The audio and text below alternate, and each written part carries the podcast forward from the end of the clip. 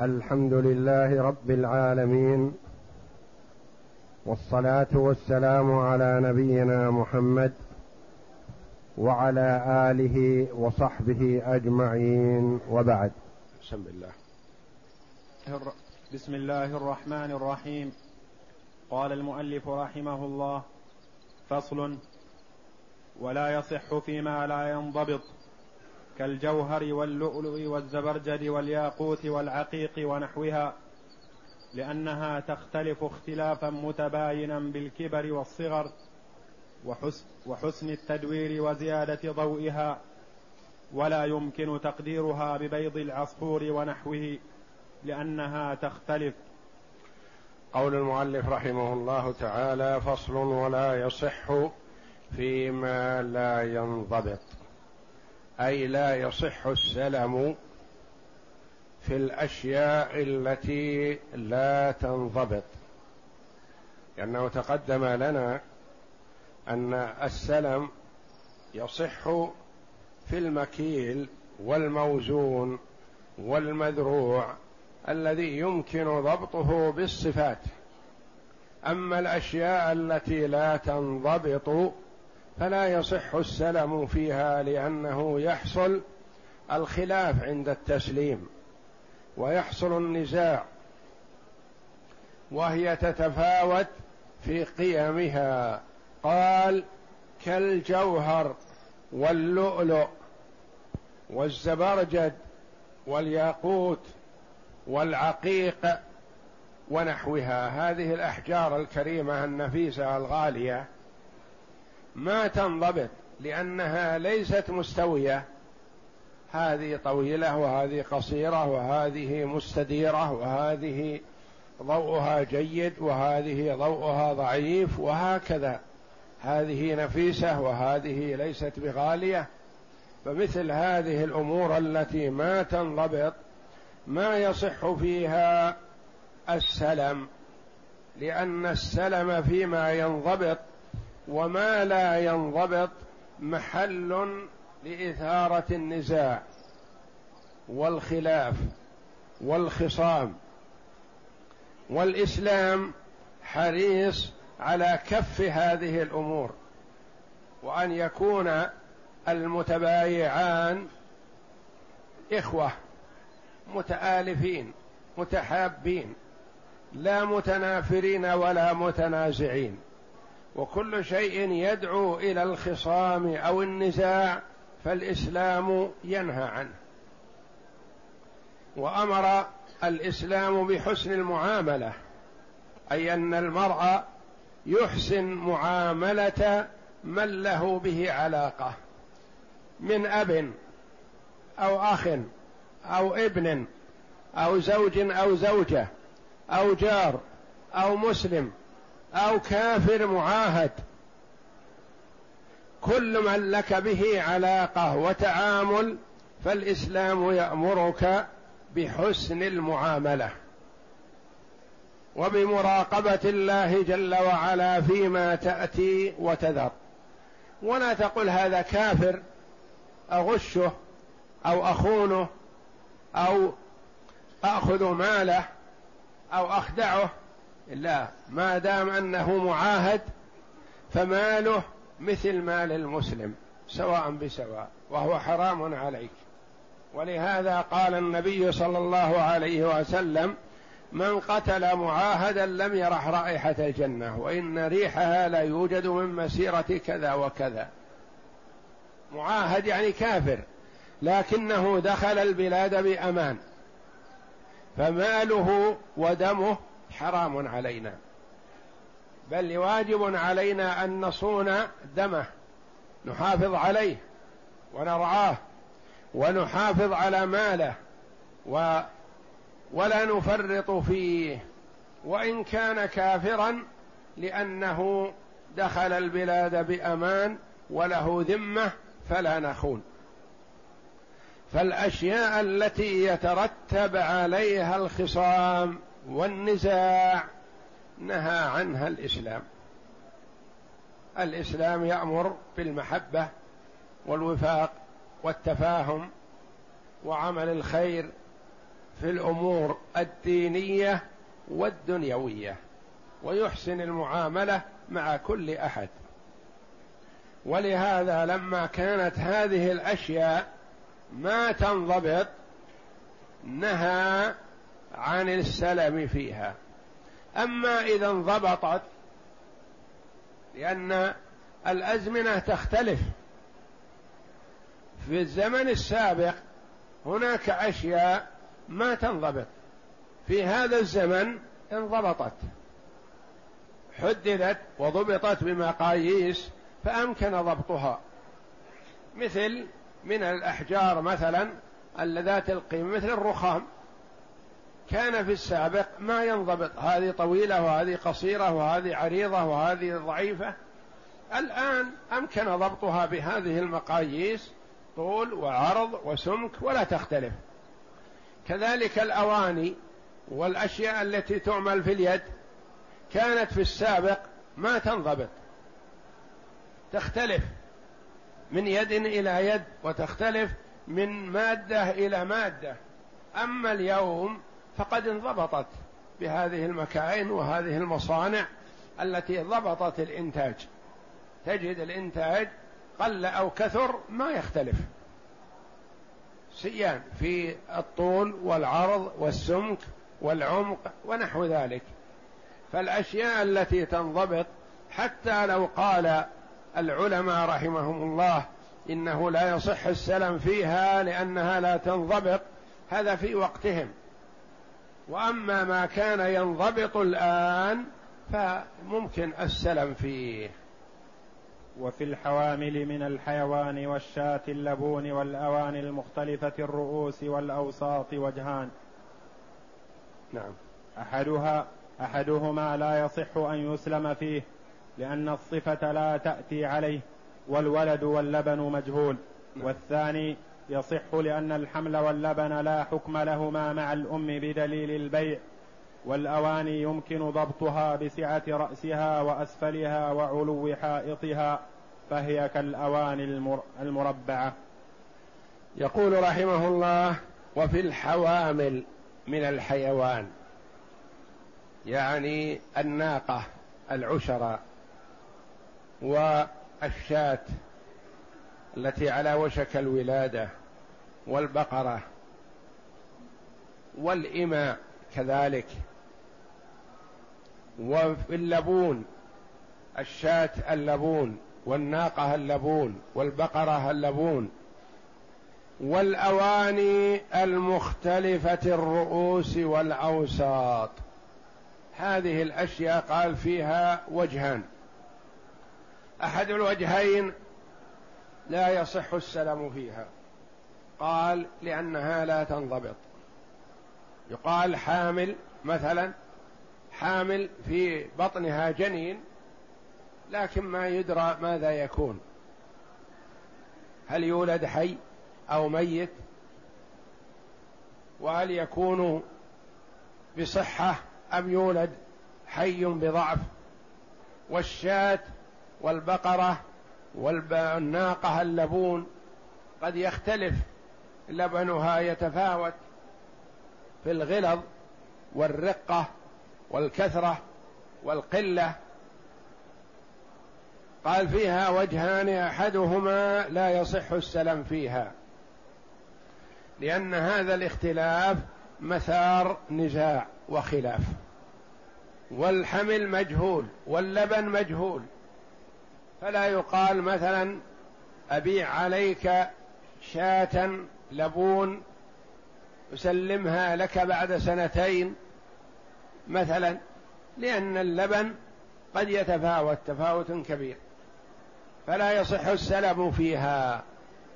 الوجه الثاني يصح السلم فيها. وهذا هو الأقرب. لأن المج... الخفي يدخل تبعا. ليس البيع له وحده حتى نقول هذا من بيع الذي المجهول الذي لا يدرى عنه وإنما هو تبع.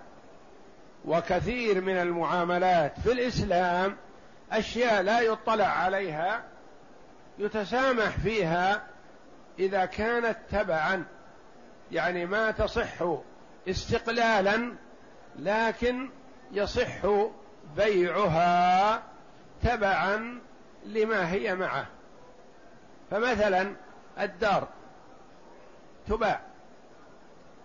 البناء الظاهر يرى ويعرف لكن الأساسات. فيه أساس متر في الأرض داخل وأساس متر ونص وأساس نصف متر وأساس حجر وأساس إسمنت. وأساس حديد وإسمنت يتفاوت. فما يقال هذه الدار ما يصح بيعها لأن فيها شيء مجهول؟ يقال هذا المجهول تابع لما هو ظاهر. فما بعنا الأساسات وحدها حتى نقول ما اطلع عليها؟ ومثلها آه، الأشياء التي ثمرتها في داخل الأرض مثل البطاطس والبصل والثوم وغيرها من الأشياء التي ثمرتها في الأرض. يتسامح في هذا وإن لم يطلع عليها كلها لأن أهل الصنف يعرفون مستواها إذا رأوا شيئا منها. قال والثاني أي الوجه الثاني يصح لأن الحمل واللبن لا حكم لهما يعني ما بيع وحدهما وإنما هو باع شاة لبون. والشاة اللبون ممكن ضبطها بالصفة لكنه ما باع اللبن وحده ولا قال لبون مثل لبنها كذا وإنما فيها لبن. اللبن لا حكم لهما والحمل واللبن لا حكم لهما مع الأم يعني البيع على الأم. بدليل بدليل البيع يعني حتى عند البيع تباع الشاة هي واللبن الذي فيها ولا يدرى كم مقداره. والبيع للناقة العشراء مثلا تباع ولا نكير في هذا. فما دام يصح بيعها وهي حامل فيصح السلم فيها كذلك. قال والأواني المختلفة الأواني ممكن ضبطها. يقال مثلا أعلاها كذا وأسفلها كذا وعمقها كذا تضبط بالأطوال المعروفة المعلومة عند أهل الصنف. وما فيه خلط من غيره ينقسم أربعة أقسام. أحدها ما فيه خلط من غيره. أشياء فيها خلط. الخلط لا يخلو إما أن يكون مقصود أو غير مقصود. أو يكون لا بد منه أو يكون يستغنى عنه. أو يكون ظاهر بين أو يكون مغشوش. الخلط أنواع. قال هو أربعة أقسام. فيه مثلا خلط صوف وحرير قماش. هذا فيه خلط. فيه مثلا أشياء الخبز مثلا فيه ملح من غيره. اللبن فيه ماء. يقل ويكثر. قال المختلط مع غيره أربعة أقسام. نوع يصح بيعه مع ما فيه ونوع من هذه الأقسام لا يصح بيعه لأنه محل خلاف لا محل خلاف بين المتبايعين. نعم. أحدها ما خلطه لمصلحته وهو غير مقصود في نفسه كالأنفحة في الجبن والملح في الخبز والشيرج والماء في خل التمر فيصح السلم فيه لأنه يسير للمصلحة. هذا شيء ومعه شيء آخر يسمى خلط يعني مختلط خبز دقيق ومعه ملح. الجبن معه الإنفحة أو الملح أو الشيء الذي يوضع به والشيرج الذي هو السمسم وزيته والماء في خل التمر.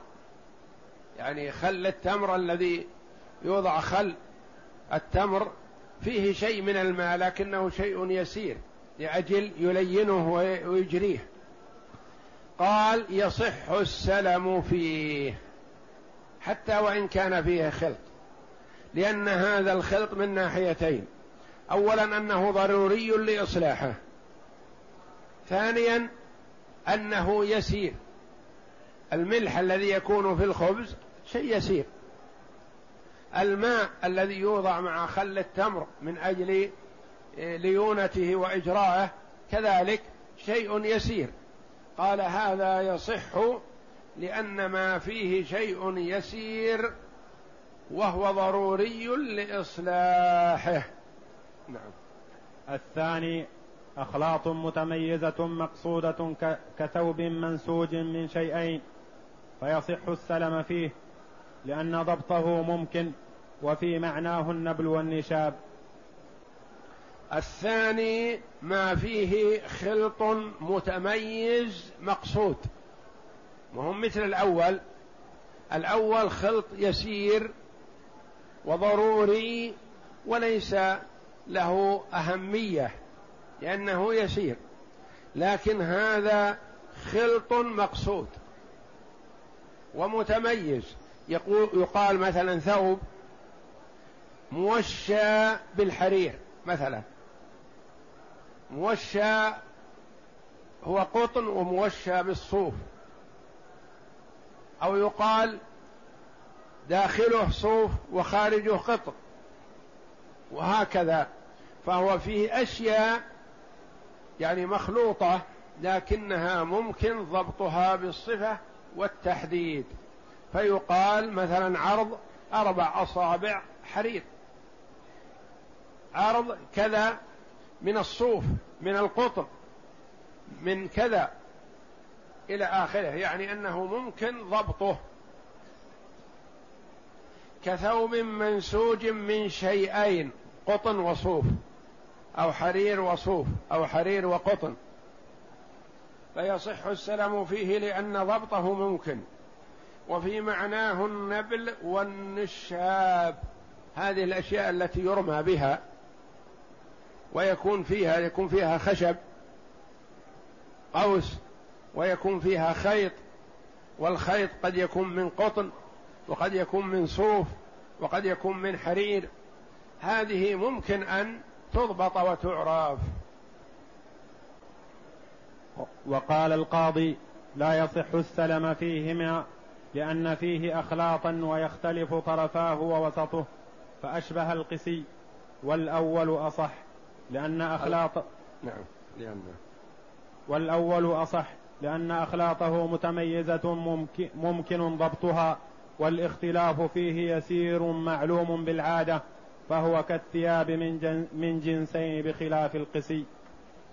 وقال القاضي أبو يعلى رحمه الله لا يصح في هذه الأشياء المخلوطة لأن الخلط يقول هذا لا ينضبط ومحل خلاف.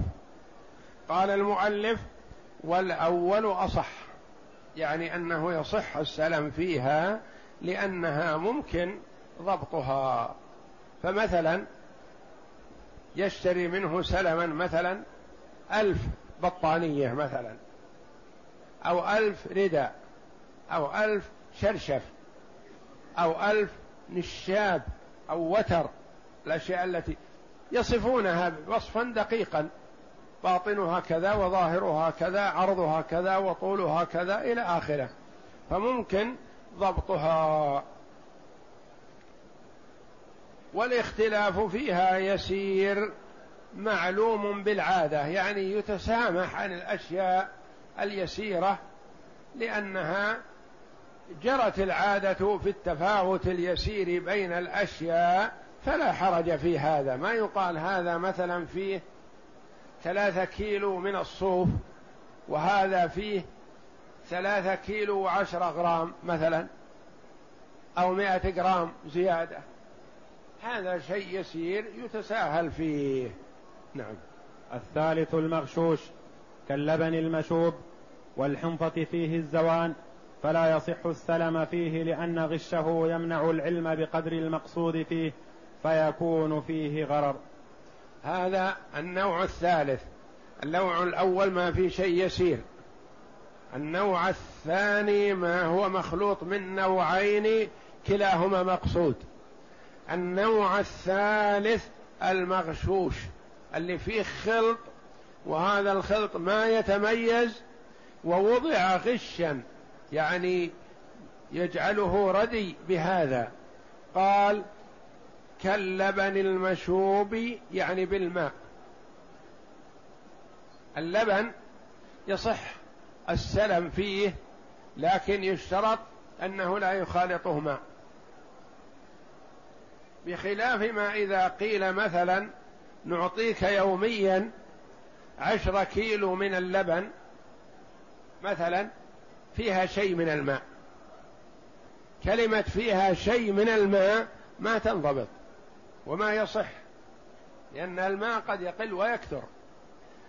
وإنما لبن خالي من الماء نعم ممكن. وكالحنطة فيها الزوان. الزوان نبت ينبت مع الحنطة ويخالطها فيكسبها رداءة. مثل الحنطة اللي فيها شيء من الشعير أو حنطة فيها حبوب خالطتها من غيرها وهي نبتت معها من الأرض فتكسبها ضعفا ورداءة. فهذا ما فيه غير مقصود ولا يمكن ضبطه بالقياس وإنما هو جاء على سبيل الغش. يعني يكسبه رداءة وضعف. فمثل هذه الأشياء ما يصح السلم فيها. يقال مثلا أبيع عليك مثلا مئة صاع من الحنطة. لكن ترى فيها شيء من الشعير. فيها شيء من الزوان فيها شيء من نبت كذا. نقول لا ما يصلح. فيها شيء هذا ما ينضبط. لأنه قد يكون قليل وقد يكون كثير ويؤثر عليه وإنما حنطة خالية من الشعير. حنطة خالية من سائر الحبوب والأشياء التي تكسبها رداءة ونحو ذلك. قال فلا يصح السلم فيه لأن غشه يمنع العلم بقدر المقصود فيه فيكون فيه غرر. قال فيه لبن لبن فيه شيء من الماء. الشيء من الماء هذا يصح قد يجوز يكون كثر اللبن أو أكثر وقد يكون شيئا يسيرا فهو لا ينضبط. نعم. الرابع أخلاط مقصودة غير متميزة كالغالية والند والمعاجين فلا يصح السلم فيه لأن الصفة لا تأتي عليه وفي معناه القسي المشتملة على الخشب والقرن والقصب والغزل والتوز فلا يصح السلم فيها للعجز عن مقادير ذلك وتميز ما فيه منها وفيه وجه آخر أنه يصح السلم فيه كالثياب. الرابع أخلاط مقصودة. يعني ليست غش وخلط مقصود لكنه غير منضبط. يقول كالغالية. الغالية نوع من أنواع الطيب يجمع من أخلاط متعددة. ولا ينضبط ما فيه من هذا من الثاني من الثالث ما ما يتمكن من ضبطه. قال هذا لا يصح السلم فيه لأنه لا ينضبط. إذا ما فيه أخلاط أربعة أنواع. نوعان يصح السلم فيها ونوعان لا يصح السلم فيها. ما فيه خلط يسير غير مقصود وضروري لإصلاحه أو فيه خلط مقصود وممكن ضبطه كالثوب الذي فيه شيء من الحرير. هذان يصح السلم فيهما. الثالث ما فيه غش. الرابع ما فيه أخلاط مقصودة لكن ممزوجة. متداخل بعضها بعض ما يمكن تمييزها فهذه كذلك لا يصح السلم فيها. كالغالية والند والمعاجين المعاجين التي تجمع أشياء كثيرة تجمع جميع لكن ما يدرى وش فيها من كمية كذا من كمية كذا لا تنضبط. فالأشياء التي لا تنضبط قال لا يصح السلم فيها. وفيه وجه آخر أنه يصح السلم فيها إذا أمكن ضبطها. وكما قدمت هناك أشياء في السابق صعب ضبطها. أما اليوم بالمعايير الشرعية والمقاييس المعلومة مثلا والتحاليل ممكن ضبطها فما أمكن ضبطه صح السلم فيه وما لا يمكن ضبطه لا يصح السلم فيه. نعم. فصل. وفي, الحي... وفي الحيوان روايتان. أظهرهما صحة السلم فيه لأن أبا رافع قال استسلف النبي صلى الله عليه وسلم من رجل بكرا رواه مسلم. الحيوان يقول مثلا أشتري منك مئة ناقة. سنها كذا ونوعها كذا ويذكرها بصفاتها. هل يصح السلم فيها؟ قال يصح. والرواية الأخرى لا يصح. والصحة أولى لما روى أبو رافع رضي الله عنه. قال استسلف النبي صلى الله عليه وسلم من رجل بكرا. يعني جرى السلم بين النبي صلى الله عليه وسلم وبين رجل في ناق في بعير بصفته. وما دام ثبت عن النبي صلى الله عليه وسلم السلام فيه فلا قول لأحد مع قول النبي صلى الله عليه وسلم إذا أمكن ضبط صفات المبيع. نعم. ولأنه يثبت في الذمة صداقا فصح السلم فيه كالثياب. ولأن البكر والإبل والبقر والغنم يصح أن تكون مهر وأن تكون في الذمة. يقول مثلا زوجتك بنتي على مئة شاة. زوجتك بنتي مثلا على عشر من الإبل. فما دام أنه يصح أن يكون صداقا وهذا لا إشكال فيه فيصح كذلك أن يكون سلما بقيمة معجلة. نعم. والثانية لا يصح. لأنه يختلف اختلافا متباينا مع ذكر أوصافه الظاهرة فربما تساوى العبدان في الصفات المعتبرة وأحدهما يساوي أمثال أمثال صاحبه.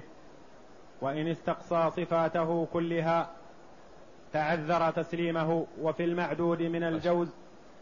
والرواية الثانية قال لا يصح لأنه يختلف اختلافا متباينا مع ذكر الأوصاف الظاهرة. يقول مثلا قد نقول ناقة صفتها كذا وكذا. هذه تنطبق على ذي وتنطبق على الناقة الأخرى هذه مثلا. لكن هذه تساوي عشرة آلاف وهذه تساوي خمس ألف وخمسمائة. وكلاهما منطبقة عليها الصفات. فقال مثل هذا نظرا لكونه ما يتساوى لو ضبط بالصفات فلا سلم فيه. ويقول كذلك العبدان. يبيع عليه سلم أو يبيع عليه عبد مثلا عبد قيمته مثلا يصفه بالطول والعرض والفهم والإدراك وإلى آخره كل الصفات. لكن مع انطباق الصفات عليهما وتساويهما عند البيع يختلف اختلافا كبيرا. وفي المعدود من الجوز والبيض. قوله وإن استقصى صفاته كلها تعذر تسليمه. يعني ما يجد قد لا يجد الشيء الذي ينطبق عليه هذا الوصف. إذا أتى بجميع الصفات. نعم. وفي المعدود من الجوز والبيض والبطيخ والرمان والبقل ونحوه روايتان. إحداهما لا يصح لذلك والثانية يصح لأن التفاوت يسير ويمكن ضبط بعضه بالصغر والكبر وبعضه بالوزن وفي الرؤوس والأطراف والجلود من الخلاف مثل ما ذكرنا فيما قبله. يقول وفي المعدود الأشياء المعدودة مثلا مثل الجوز والبيض والبطيخ والرمان ونحوها. فيها روايتان. إحداهما يصح السلم فيها لأنه ممكن ضبطها بالصفات بالحجم أو بالوزن وتنضبط صفته فصح السلم فيها. الرواية الأخرى قال يتعذر ضبط الصفة في العدد الكبير فلا يصح السلم فيها. وكما تقدم ما أمكن ضبطه بالصفات صح السلم فيه وما لا يمكن لا يصح السلم فيه. كذلك مثل الرؤوس يعني أسلم في رؤوس. كل يوم يسلمه ثلاثة رؤوس مثلا شاة أو بقرة أو بعير. يقول تتفاوت الرؤوس كبر وصغر لكن إذا أمكن ضبطها بالوزن صح ذلك. وفيها من الخلاف مثل ما تقدم أنه يجوز إذا أمكن ضبط صفاته ولا يجوز خشية أن يكون هناك تفاوت كبير مثيرا للخلاف والنزاع بين الطرفين. والله أعلم وصلى الله وسلم وبارك على عبده ورسول نبينا محمد وعلى آله وصحبه أجمعين.